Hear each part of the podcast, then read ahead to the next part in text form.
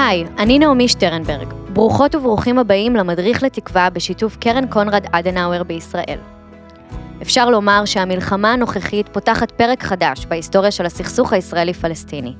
ואחרי אירועי הטבח המחרידים של השבעה באוקטובר, כולנו מצויים בסערה מתמשכת של ייאוש, כאב, אבל וכעס. אנחנו כאן היום כדי למרות הכל, לחפש יחד תובנות שיכולות לספק לנו תקווה. כי אולי, דווקא עכשיו, מתוך המשבר הנורא שהיה אי פעם בין ישראלים ופלסטינים, כשהאדמה רועדת ועיני העולם כולו נשואות אלינו, אולי נוכל לעצב לנו עתיד אחר? אנחנו בצומת קריטי. יש הרבה שאלות וחוסר ודאות. מה יהיה ביום שאחרי המלחמה? כמה זמן היא תימשך? מה יעלה בגורל החטופים והחטופות? איך ייראה המזרח התיכון? איך משקמים את האמונה? והאם יש לנו את היכולת להשפיע על משהו בתוך הסיפור הזה? אז בשביל לעשות קצת סדר בבלגן שבראש ובלב, נעזר היום באחד מהסמלים האנושיים של מחנה השלום הישראלי, דוקטור יוסי ביילין. מעבר לניסיון המדיני הרחב של יוסי, שהוא יושב ראש יוזמת ג'נבה, מאדריכלי הסכם אוסלו ושר המשפטים לשעבר, יוסי הוא גם איש רוח, של מילים, של חזון ושל דמיון. אפשר להסכים, אפשר שלא, אבל מזמינה אתכם להקשיב ויחד איתי לבנות את המדריך לתקווה. בואו נתחיל. שלום יוסי. שלום וברכה. מה שלום התקווה שלך? זאת שאלה שאני מעדיפה לשאול היום מאשר מה שלומך. התקווה שלי היא כפי שהייתה גם בעבר, אבל היא גם התחזקה. התחזקה. כי הדבר הנורא שקרה לנו, הדבר הבלתי צפוי הזה של השבעה באוקטובר, יצר כאן שינויים שאני משוכנע שהמנוולים שעמדו מאחורי הרעיון הזה וגם ביצעו אותו, לא העלו בדעתם. יכול להיות שהם חשבו שאנחנו חלשים הרבה יותר ממה שאנחנו באמת. יכול להיות שהם ציפו לכך שהעולם הערבי ואולי גם אחרים יצטרפו לנבלה שלהם, והם לא הצטרפו. אבל ברגע שאנחנו מדברים עכשיו, ואנחנו כנראה לא רואים את הסיפור עדיין גמור, וקשה מאוד לנבא מה יהיה, אנחנו יכולים לומר על מה נפתח, איזה דברים חדשים נוצרים כאן אה, מבחינה מדינית, אה, כתוצאה מן המהלך הנורא הזה.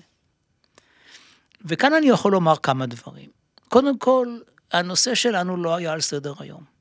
כבר שנים אחדות, שכשאנשים כמותי וכמו חבריי, אה, מדברים עם מנהיגים בעולם, שמקבלים אותנו בדרך כלל בסבר פנים יפות. ואנחנו מעלים רעיונות והצעות, הם אומרים, תראו, כרגע אין סיכוי לשלום במזרח התיכון. אצלכם בישראל ממשלה ימנית שלא הייתה כמותה. היא לא מעוניינת בפתרון שתי המדינות והיא תיאבק כנגד זה. בצד הפלסטיני, רשות פלסטינית חלשה מאוד, מנהיג קשיש, הרבה מאוד אבק של שחיתות אה, נמצא שם. וקשה מאוד להאמין שהם אה, באמת היום ילכו ליוזמות אה, שלום. לכן העובדה שבבת אחת הנושא חזר אל ראש סדר העדיפויות של העולם, ואנשים מבינים מה המשמעות של הזנחת הטיפול באזור הזה ובקונפליקט בו, ומבינים שצריך לפתור את הקונפליקט. וראש העולם החופשי אומר פעמיים ביום, הפתרון אחרי המלחמה הזאת הוא משא ומתן על שתי מדינות. כבר מזמן לא שמענו את זה. ודאי לא בעוצמה כזאת. וזה אחד הדברים החשובים ביותר שהתרחשו כאן. זה מחזיר בחזרה את הפתרון שמבחינתנו, מבחינת האינטרס הלאומי של ישראל, הוא האינטרס הלאומי הגבוה ביותר, משום שבלי פתרון של שתי מדינות, כלומר בלי גבול מזרחי, אנחנו נהיה מדינה שמהנהר עד הים, שבו יש מיעוט יהודי ששולט ברוב אה, פלסטיני. וזה נורא, זה סוף הציונות בעיניי, וסוף המדינה היהודית. אבל לפני הדיבורים על תקווה מדינית ועל הזדמנויות חדשות שנוצרות כאן, אני חייבת להגיד, אנשים ששומעים אותנו עכשיו, תוהים לעצמם, מה זה, שום דבר לא השתנה מאז ה-7 באוקטובר? אין הרבה אירועים היסטוריים, כמו האירוע הזה, שברור בזמן שהם מתרחשים, שמה שהיה לא יהיה עוד. אתה כתבת ואמרת בכמה הזדמנויות שמלחמת יום כיפור שינתה אותך, גם מבחינה מנטלית, רגשית, וגם מבחינה קונספטואלית. אני הדור הצעיר שלמענו פעלת כשפעלת ליוזמת הסכמי אוסלו, כשפעלת לעשות את יוזמת ג'נבה, ואני שנולדתי אחרי רצח רבין ואחרי הסכם אוסלו, שלא חוויתי את התהליכים שאתה היית חלק מהרקימה שלהם. אני רוצה לדעת איך אתה חושב שהשבעה באוקטובר ישפיע עליי, על הדור הצעיר שלי, ואולי נתחיל באיך הוא השפיע עליך. תראי, אנחנו היינו בקונספציה שלשטחים שנכבשו ב-67' אה, יש ערך ביטחוני גדול, ושהם רצועת הביטחון שלנו. ומה שקרה ב-73' הוא שהסורים אה, כבשו את רמת הגולן מחדש. והבעיה הכי גדולה הייתה לפנות את הילדים מבתי הילדים בקיבוצים, כדי שהסורים לא יפגעו בהם. ופתאום הבנו, לפחות אני, ובוודאי לא רק אני, שלשטחים האלה אין ערך ביטחוני. ושמה שיש לו ערך ביטחוני הרבה יותר גדול, זה כנראה השלום. עכשיו, כמובן, מה שקרה ביום כיפור גם זה, זה אובדן האמון בהנהגה. וזה גם קורה עכשיו לדור הצעיר. לגמרי. אני, אני חשבתי שבסך הכל אני לא כל כך אהבתי את גולדה ולא התפעלתי מדיין ואחרים, אבל אמרתי לעצמי, מה אני יודע בתור עיתונאי בדבר, מה אני יודע על מה שהם מחליטים ומה שהם מבינים, ופתאום אמרתי לעצמי, וואלה, לא עוד, לא עוד. אה, כך שמבחינתי יום כיפור גם גרם לי לעזוב את הקיום אה, מצוות במידה מסוימת, והפך אותי לחילוני לחלוטין. זה נקודת, ה... זה הצומת החשוב ביותר בחיי מבחינה אישית גם. מה שקורה עכשיו, הייתה כאן קונספציה שיצר אותה נתניהו, אבל לא רק הוא, גם קודמיו בליכוד. ומה היא אמרה? יש כאן גורם דתי שעוסק ברווחה, שלא רוצה מאיתנו בעצם שום דבר טריטוריאלי באמת, חוץ מזה שלא נהיה כאן. אז אולי עדיף לדבר איתו, כי הוא לא דורש מדינה פלסטינית, מאשר עם גורם לאומני פלסטיני שלא אוהב אותנו, שרוצה מדינה פלסטינית, ואנחנו צריכים לוותר על שדר בשבילו. עכשיו פתאום מובן שההעדפה לחמאס על פני פת"ח, שמנהיג את, אש"ף, הייתה טעות נוראה.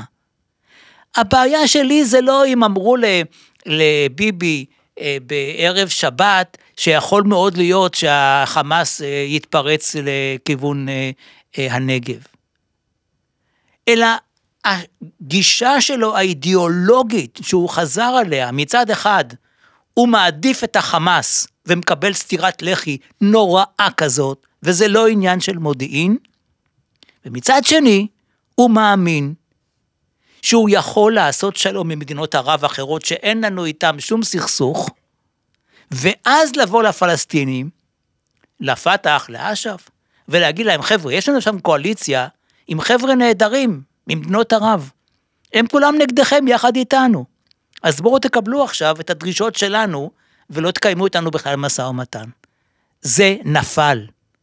כי גם ברגע הקשה הזה, שבו לפחות ליום אחד העולם היה צריך להאמין שמה שקרה לנו הוא מטורף, עמד העולם הערבי וגינה אותנו. אותן מדינות שעשו איתנו יעני שלום. ולכן אם לא תיפתר הבעיה הפלסטינית, לא פתרנו שום דבר, ואת הבעיה הפלסטינית אפשר לפתור רק עם הגורם הפרגמטי, הלאומי, בין אם אנחנו אוהבים אותו ובין אם לא, ולא עם קנאות דתית שאין לה גבולות. מאה אחוז, סבבה, אני הולכת איתך, אבל אנחנו, התחושה היא שאנחנו כבר לא יכולים יותר לסנגר על רשות פלסטינית שלא מגנה את מה שקרה לנו בשביעי באוקטובר, ואולי גם אנחנו.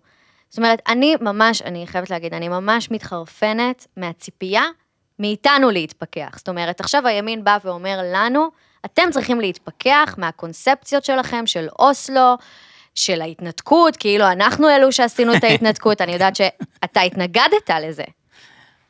תראי, הם שוכחים שהליכוד עשה את ההתנתקות, זה, זה פשוט, קשה להאמין, זה מין הכחשה כזאת. ראש הליכוד הלך להתנתקות, ומייחסים את זה לשמאל? ואני התחננתי בפניו, אמרתי לו, אריק, אם אתה כבר מחליט לצאת מעזה, והשמאל, אה, מחנה השלום, לא יכול להצביע יחד עם המטורפים מכהנא נגד היציאה מעזה. אנחנו נצביע בעד יציאה מעזה. אבל לפני שאתה עושה את המעשה הזה, יש לך היום פרטנר בדמותו של אבו מאזן. זה היה אז מיד אחרי מותו של ערפאת. והוא הכיר את אבו מאזן, הוא גם הזמין אותו אליו הביתה בזמנו, לחווה. לא, אין ספק שזה מכעיס שהגענו ל... תן את זה לאבו מאזן לעזאזל. תעשה את זה חלק מההסכם. למה אתה עושה את זה בלי הסכם ונותן לה, לחמאס על מגש של כסף את רצועת עזה? והוא אמר לי אז משפט שאני לא אשכח לעולם. הוא אמר לי, יוסי, אני מאוד מעריך את זה שאתה בעד שלום ואתה נאבק למען זה, אבל ההבדל ביני ובינך זה שאתה חושב שיש הבדל בין הערבים. ואני אומר לך, כל הערבים שווים. אתה אומר, אמרתי לו, אתה מתכוון לפלסטינים? הוא אומר, לא, לא, לא, אני מתכוון לכל הערבים. אתה אומר, אתה מתכוון גם לבחורות אגב, שכל הבחורות אותו דבר? והוא שתק. אבל זה, אני חושבת שיש פה נקודה שהיא חשובה, זאת אומרת שאחרי רגע קשה כמו אינתיפאדה, בחרנו במנהיג שאומר עוד יותר כוח. זאת אומרת, מה שאני אתן זה עוד יותר כוח, ו... אבל בכל מקרה, בחזרה לחשבון הנפש, שאולי אנחנו גם צריכים לעשות. אנחנו אומרים, הרשות הפלסטינית ואבו מאזן, והוא הפרטנר שלנו, ואנחנו מדברים על זה כבר הרבה זמן. וברור שגם לישראל וגם לאבו מאזן עצמו, יש חלק בהחלשה שלו ובהחלשה של הרשות כולה. איך אנחנו היום כמחנה יכולים עדיין לומר שהרשות הפלסטינית היא פרטנר, כשהיא כל כך חלשה, כשברור שהיא לא יכולה לקחת על עצמה את ניהול הרצועה היום? איך בכל זאת אנחנו יכולים לשכנע את הציבור או לדבר בכלל על האפשרות שהם יהיו הפרטנר שלנו בקונסטלציה הנוכחית? קודם כל, יש לנו פרטנר שאיתו חתמנו על הסכם, קוראים לו אש"ף. אה, אני לא חושב שמישהו הציע, אני מדבר על אנשים נורמליים, לא על כהניסטים, לבטל את, ה, את ההסכם הזה. האם הרשות הפלסטינית, כפי שהיא היום, בחולשתה, שבה היא אשמה לא מעט, וכמו שאת אומרת, גם אנחנו אשמים לא מעט, היא יכולה לקחת על עצמה את עזה? התשובה היא לא. היא לא יכולה לקחת את זה לבדה. היא צריכה למלא תפקיד ביום שאחרי, ולצידה צריכות להיות מדינות אחרות, כולל האמריקאים, אם אפשר, שיסייעו גם בנושא של הביטחון וגם בנושא השיקום. עכשיו, מהי הבעיה? אם, ה, אם אש"ף אומר, אנחנו לא באים לעזה, גם מדינות ערב לא יבואו. ואת שומעת את מצרים, את שומעת את ירדן, הן לא באות. כן. אבל כאשר אש"ף, או הרשות הפלסטינית, שהיא הבת החוקית של אש"ף, יגידו שהם מוכנים להגיע לשם ולהשתתף בשיקום של, של עזה, אני משוכנע שגם איחוד האמירויות, שיוכל לעזור מבחינה כספית, וגם מצרים וגם ירדן ואחרים, יגיעו לשם. Mm-hmm. בסופו של דבר אף אחד לא רוצה את עזה. אף אחד לא רוצה את עזה. היחידים שיש להם עניין בה זה הפלסטינים עצמם. או אלה שרוצים לחזור עכשיו לגוש קטיף. כן, אני לא חושב שהם מייצגים משהו. אני מסכימה. יש לנו רק שתי אפשרויות. אם אנחנו מוחקים את האפשרות של מדינה אחת מהירדן לים. אפשרות אחת זה להגיע להסכם עם פרטנר שיש לנו עליו ביקורת, ואפשרות שנייה זה לעזוב לבדנו, כמו שזה נעשה בעזה, כמו שזה נעשה בלבנון.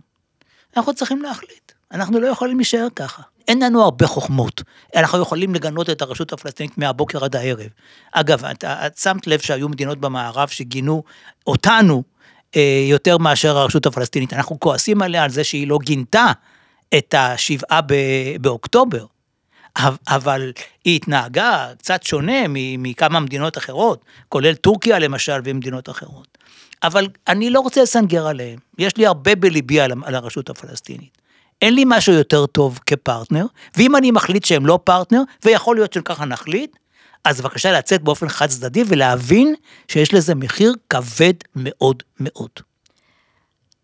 אני חושבת שמעבר לזה שהיא מושחתת, ומעבר לזה ש, שיש את הבעייתיות כרגע עם הפרטנר שאנחנו דחפנו ועודדנו כל השנים, אנחנו רואים שגם בסופו של דבר, אם אני לא טועה, מאז השבעה באוקטובר, ומאז שהתחילה הלחימה בעזה, אבו מאזן לא ירד לעם ודיבר איתו.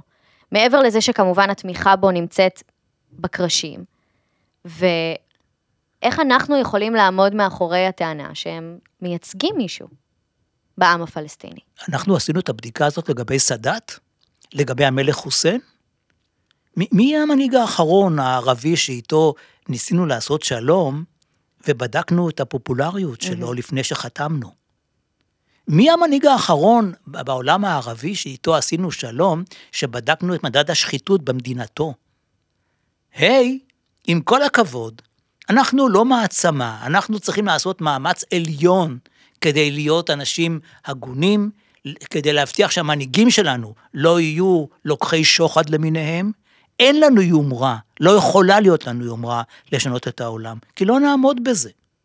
השאלה היא מבחינתנו, האגואיסטית, האינטרס הלאומי הישראלי, מה אנחנו רוצים? האם אנחנו רוצים להפוך את האזור כולו לאזור של זכויות אדם? כן. האם זו באמת מטרה ריאלית?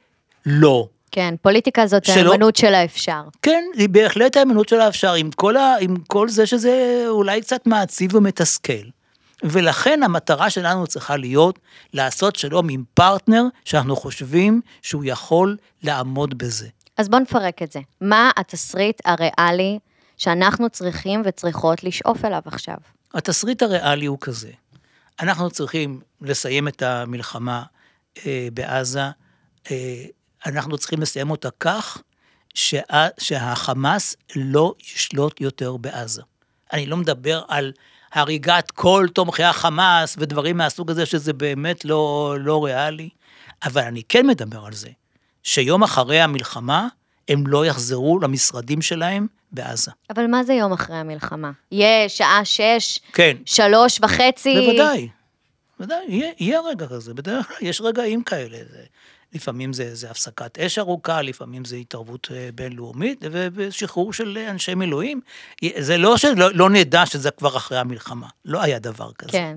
נכון שיכולים להיות, אה, יכולות להיות שאריות של המלחמה והשלכות של מלחמה, אבל המלחמה עצמה תסתיים והיא לא תסתיים בעוד הרבה אה, זמן. עכשיו, אחרי שהיא תסתיים, המאמץ העיקרי שלנו צריך להיות להבטיח וזה אפשר לעשות וצריך לעשות כבר היום, בעזרת אמריקה, להבטיח שמי שישלוט שם לא יהיו אנחנו. כי בסוף מה שיקרה, אם אה, ביבי שם כל כך הרבה תנאים, וכל עוד הוא ראש ממשלה, התנאים האלה הם, הם uh, תקפים, שבעצם הוא אומר, לא הרשות הפלסטינית. מה זה אומר? שזה אנחנו. יפן לא תבוא לכאן פתאום כדי לשלוט. יש לה מספיק כאבי ראש גם בלעדינו.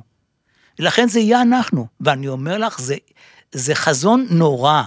כן. אם ישראל תחזור לשלוט בעזה, מהבריאות ועד הביוב ועד כל מה שקשור בזה. ו, ולכן אנחנו צריכים לעשות מאמץ גדול מאוד כדי שיהיה איזשהו, אה, איזשהו trusteeship, איזושהי רשות אה, בינלאומית שתעסוק בזה, אה, בשילוב הפלסטינים. במקביל, להתחיל במשא ומתן עם אש"ף על הסדר קבע, לא פחות מזה. עכשיו, בניגוד למה שהיה לפני 30 שנה, אנחנו יודעים מהו הסדר הקבע. אנחנו יכולים להציע, אגב, את יוזמת ג'נבה עם כל ה-500 עמודים של הנספחים שלה, הם צריכים לשנות מעט מאוד אה, כדי, ש... אה, כדי להגיע להסכם. אנחנו לא צריכים מאות שנים כדי להגיע להסכם. מספיק משא ומתן של משהו כמו שנה כדי לסגור את כל הנושאים על סדר היום. וההצעה שלי כתוספת לז'נבה, זה לשים את שתי המדינות תחת מטריה של קונפדרציה, שתפתור את הבעיה של ההתנחלויות, כי הבעיה של ההתנחלויות הפכה להיות הבעיה המרכזית, חצי מיליון מתנחלים בגדה המערבית, מעבר למי שגרים במזרח ירושלים. המשמעות של הפתרון שאנחנו מציעים, אה, שהוא לא חלק מיוזמת ג'נבה, אבל הוא מתבסס על יוזמת ז'נבה, זה שכל המתנחלים שימצאו ממזרח לגבול שייקבע, במדינה הפלסטינית העתידית, יוכלו להישאר במקומות שבהם הם גרים, כולם, כאזרחי קבע של, אה, תושבי קבע של פלסטין ואזרחים ישראלים, ואותו מספר של פלסטינים יוכל לגור בישראל באותם תנאים אה, לגליים. אם אנחנו נעשה דבר מהסוג הזה, אני חושב שבאמת לא צריך יותר מדי הרבה זמן כדי להגיע להסכם עם אש"ף. אני, אני איתך, אבל אני אומרת, אנחנו חייבים לראות את זה שהציבור עכשיו שומע מדינה פלסטינית, וסומרות שערותיו. איך יכול להיות שדרך הטרור, דרך הכוח, דרך המעשים הברברים, הטבח הנורא, האונס, החטיפה, שהם יקבלו מדינה פלסטינית כפרס? זה לא פרס, והם לא יקבלו. הפרס הוא לנו.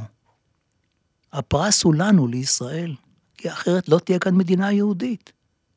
אני חושב שהלאומנים לכאורה אלה לא מבינים שהתפיסה שלהם מובילה אותנו לאנטי-לאומיות הכי גדולה בעולם, שזה ויתור על ההוויה של ישראל, על הישות הזאת של מדינה יהודית דמוקרטית.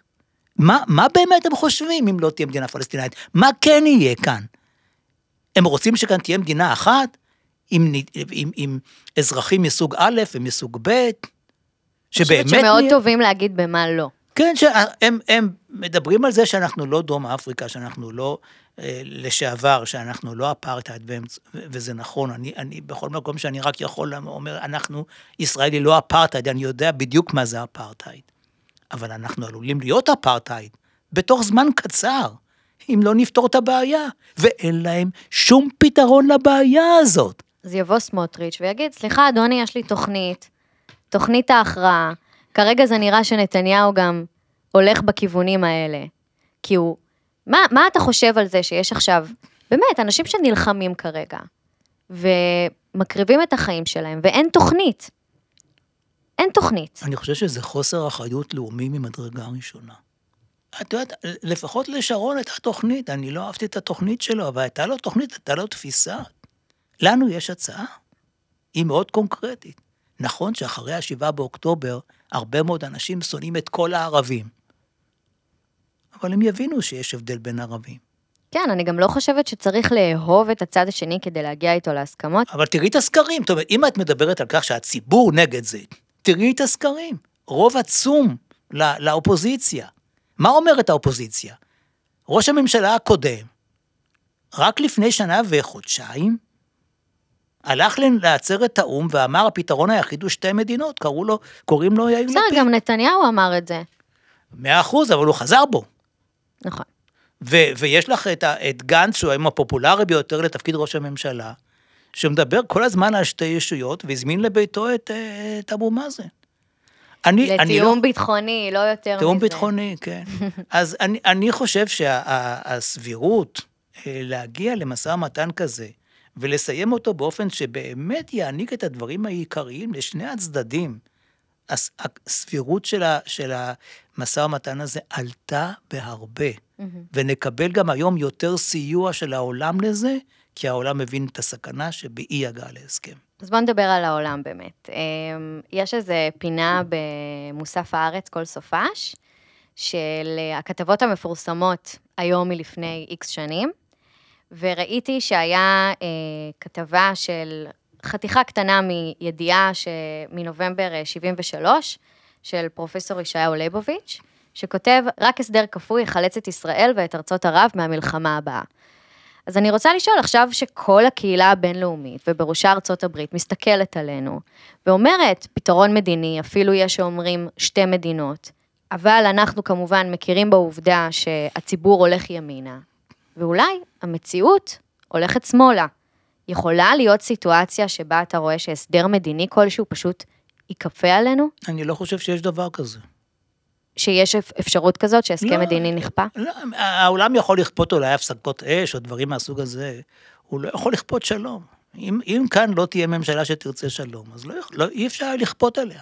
יכול להיות שהיא תגרום לכך שישראל לא תהיה ישראל, אבל לכפות עליה שלום עם הפלסטינים היא לא תוכל. אוקיי, okay. בוא נדבר על החמאס קצת. אמ, אז אנחנו מכירים בזה שאנחנו, שהאינטרס הלאומי של מדינת ישראל כרגע הוא שחמאס לא תשלוט ברצועה. פלסטינים בגדה לא באמת מאמינים שזה יכול לקרות, לפי הסקרים שראינו, וגם העולם סקפטי בנוגע לאפשרות שחמאס ייעלם. אני חושבת שיש עכשיו איזו אשליה שהוא פשוט יכול להיעלם, וכמובן שאנחנו גם יודעים ויודעות שוואקום מהסוג הזה, אם אנחנו לא נדאג שיהיה שם באמת גורם אחר, שהוא לא ג'יהאדיסטי, אלא שהמטרה שלו היא יציבות, אז מדובר בסיפור אחר. אבל איך בכל זאת אתה כן רואה אולי תפקיד לחמאס ביום שאחרי? איזה סוג של תפקיד אתה רואה לו? מייעד לו. אני לא מייעד לחמאס שום תפקיד, לא רואה לו שום תפקיד, וגם לא בעד חיסול כל החמאסניקים, כי זה בלתי אפשרי. אני רק בעד זה שהם לא ישלטו. אני רוצה לומר לך, החמאס לא יכול היה להשתתף בבחירות של 2006. לא יכול היה. על פי הסכם אה, המעבר מ-28 בספטמבר 1995. כל גורם או אדם שמסית לאלימות ולא לא יוכל להשתתף בבחירות. הנשיא בוש, מספר 45, כלומר הבן, אה, ביקש משרון אה, לאפשר לחמאס להשתתף בבחירות. ואנחנו יכולנו למנוע את זה. כי זה חלק מההסכם שלנו עם הפלסטינים. הם הפרו את ההסכם בזה שהחמאס הותר לו להשתתף בבחירות. ואותה תפיסה שיש לביבי הייתה לשרון. הוא, הוא אמר, מבחינתי אין לי שום בעיה שהחמאס ישתתף, מי שאתה רוצה שישתתף, כי אין הבדל ביניהם, כולם רוצים להשמיד אותנו. זה, זה באמת, זה, זה, זה, הייתי אומר, גישה פרימיטיבית שקשה לתאר אותה. כי אין דבר כזה שאין הבדלים בין קבוצות של אנשים. אין דבר כזה, תיאורטית לא יכול דבר כזה להיות. ושרון פתח את הפתח לחמאס להשתתף. אחרי שהחמאס, בין השאר, גם אמרו לו, אין סיכוי שהם ינצחו בבחירות כמובן. אחרי שניצחו בבחירות, כבר שרון, אה, לצערי, לא היה בתפקיד, אה, משום שהוא היה מאושפז עד, עד מותו. מה שקרה הוא שהעולם נדהם מזה שהחמאס לא עמד בסקרים. מה זאת אומרת? הפרו את, ה, את, ה, את המשחק, הרי החמאס היה צריך להפסיד בבחירות והוא ניצח. כן. אז זה לא בסדר. אז שמו לו אה, אה, אה, שלושה ארבעה תנאים, שהכרה בישראל, התנערות מטרור והכרה ב, אה, בהסכם אה, אוסלו. אה, והוא כמובן לא יכול לעמוד בזה, כי אם הוא לא יעמוד בתנאים האלה, אז הוא לא חמאס. אז מה קרה?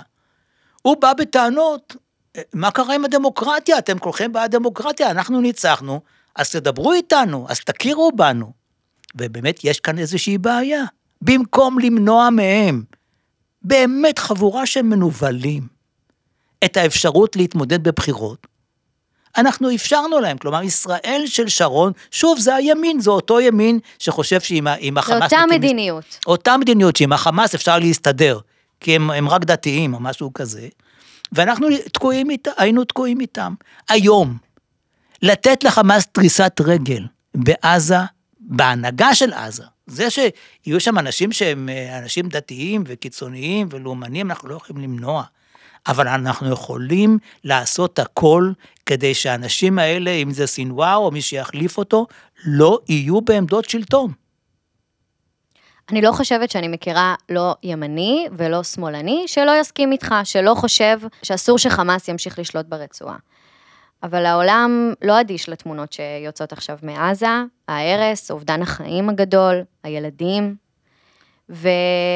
אני תוהה אם אתה חווה איזשהו קונפליקט בתור איש של שלום, שאתה רואה את ההרס הגדול ואת האובדן, אתה לא חווה איזשהו קונפליקט בהקשר של האם אנחנו יכולים פשוט לעמוד מנגד, שאנחנו רואים את הדבר הזה, את התמונות הקשות האלו, והאם מחנה השלום באופן כללי צריך כן להתייחס למצב ההומניטרי כרגע בעזה? הוא צריך, הוא יכול, הוא גם מתייחס. והמסר וה, העיקרי הוא, המלחמה הזאת היא מלחמה צודקת מאין כמותה. אנחנו חייבים לנצח בה את החמאס, זה באפשרותנו גם, אבל אנחנו חייבים להיות בני אדם גם ברגעים האלה, ולאפשר פרוזדורים הומניטריים ו- ומזון ומים וכל הדברים האלה, שבלעדיהם האוכלוסייה שהיא אה, לא אוכלוסייה לוחמת, אה, תוכל לחיות. זה, זה, זה התפקיד היחיד שלנו. אם המסקנה שלנו היא שכיוון שהאוכלוסייה סובלת, המלחמה הזאת חייבת להיפסק לפני שהחמאס מובס, אני מודה שאני לא שם. יש אה, תרבויות שהן לא, שזה לא במזרח התיכון, שלא מקדשות את הזיכרון, אלא מקדשות יותר את השכחה, כמו למשל ברואנדה. אני כל הזמן חושבת לעצמי על איך השבעה באוקטובר אה, ישפיע עלינו כחברה ישראלית. ואני חושבת שכבר לפני השבעה באוקטובר, קשה היה לראות בנו כפרטנר להסכם. לא פחות מאשר שהיה קשה לראות בפלסטינים פרטנר להסכם. בוודאי. ואני תוהה אם הדבר הזה לא רק ירחיק אותנו מהיותנו פרטנר. אני מתכוונת לאופן שבו השבעה באוקטובר הדליק אצלנו את כל הזיכרון הקולקטיבי הכואב שלנו כיהודים, וכרגע לא נצליח לראות מעבר לזה. נו, ולהפוך זה, זה לפרטנר. לא יקרה, זה לא יקרה, ותמיד תזכרי את מה שקרה עם הסכם השילומים. אנחנו דיברנו עם הגרמנים וידענו מי הם. הם לא התחלפו לצורך המשא ומתן איתנו. וזה היה חמש, שש, שבע שנים אחרי, ה, אחרי השואה. נכון. אנחנו בני אדם, אנחנו אנשים שרוצים למקסם את האפשרות שלנו לחיות בעולם הזה בשלום, ברווחה כלשהי. וזה מביא אנשים נורמליים לידי כך שהם מדברים עם הגרועים שבשונאיהם. לא היה דבר כמו השואה, גם לא השבעה באוקטובר. יוסי, מה היית אומר לאדם צעיר או לאישה צעירה שהיו רוצים לעשות אה, שינוי מדיני? ואל תגיד לי ללכת לפוליטיקה. למה לא? כי אין לנו, אין לנו נגישות היום לפוליטיקה. אם אני רוצה להיות ביש עתיד, צריכים להודיע לי שאני ביש עתיד. אם אני רוצה להיות במחנה הממלכתי, צריכים להודיע לי שאני במחנה הממלכתי. אז תקימי משהו חדש. את לא צריכה רק להסתכל על המציאות ולהגיד, אה, אוקיי, אם פה סגור, פה סגור, פה סגור, אני הולכת להקים מכולת. לא. אם, אם את חושבת, ואני חושב שבצדק, שאין היום אה, אה, דרך דמוקרטית להגיע לעמדות השפעה, ושהכול נעשה בהחלטות של ראשי מפלגות וכולי. אני חושב שהקמת אה, מפלגה חדשה היא דבר לא קשה בישראל. כי גם אם אחוז אה, החסימה הוא, הוא אה, עלה בשנים האחרונות, הוא עדיין נמוך, אפשר להגיע להשפעה בחברה הישראלית. תראי מה שקרה, מה שקרה במחאה, ועוד מה שיקרה עם המחאה הזאת. ולסיום אני רוצה לשאול אותך, אם היית יכול לחזור בזמן ולתת למישהו אחד עצה אחת, מי זה היה ומה הייתה העצה? אילו הייתי יכול לחזור בזמן, וזה כנראה לא כל כך פשוט. ב-4 בנובמבר 95 הייתי ממהר לרחוב אה, רב אשי 5 ברמת אביב, ואומר לו, יצחק, אל תשכח את אפוד המגן שלך. תודה רבה, דוקטור יוסי ביילין. תודה לך. הוקלט באולפני אדיו, המשווקת את ספוטיפיי בישראל.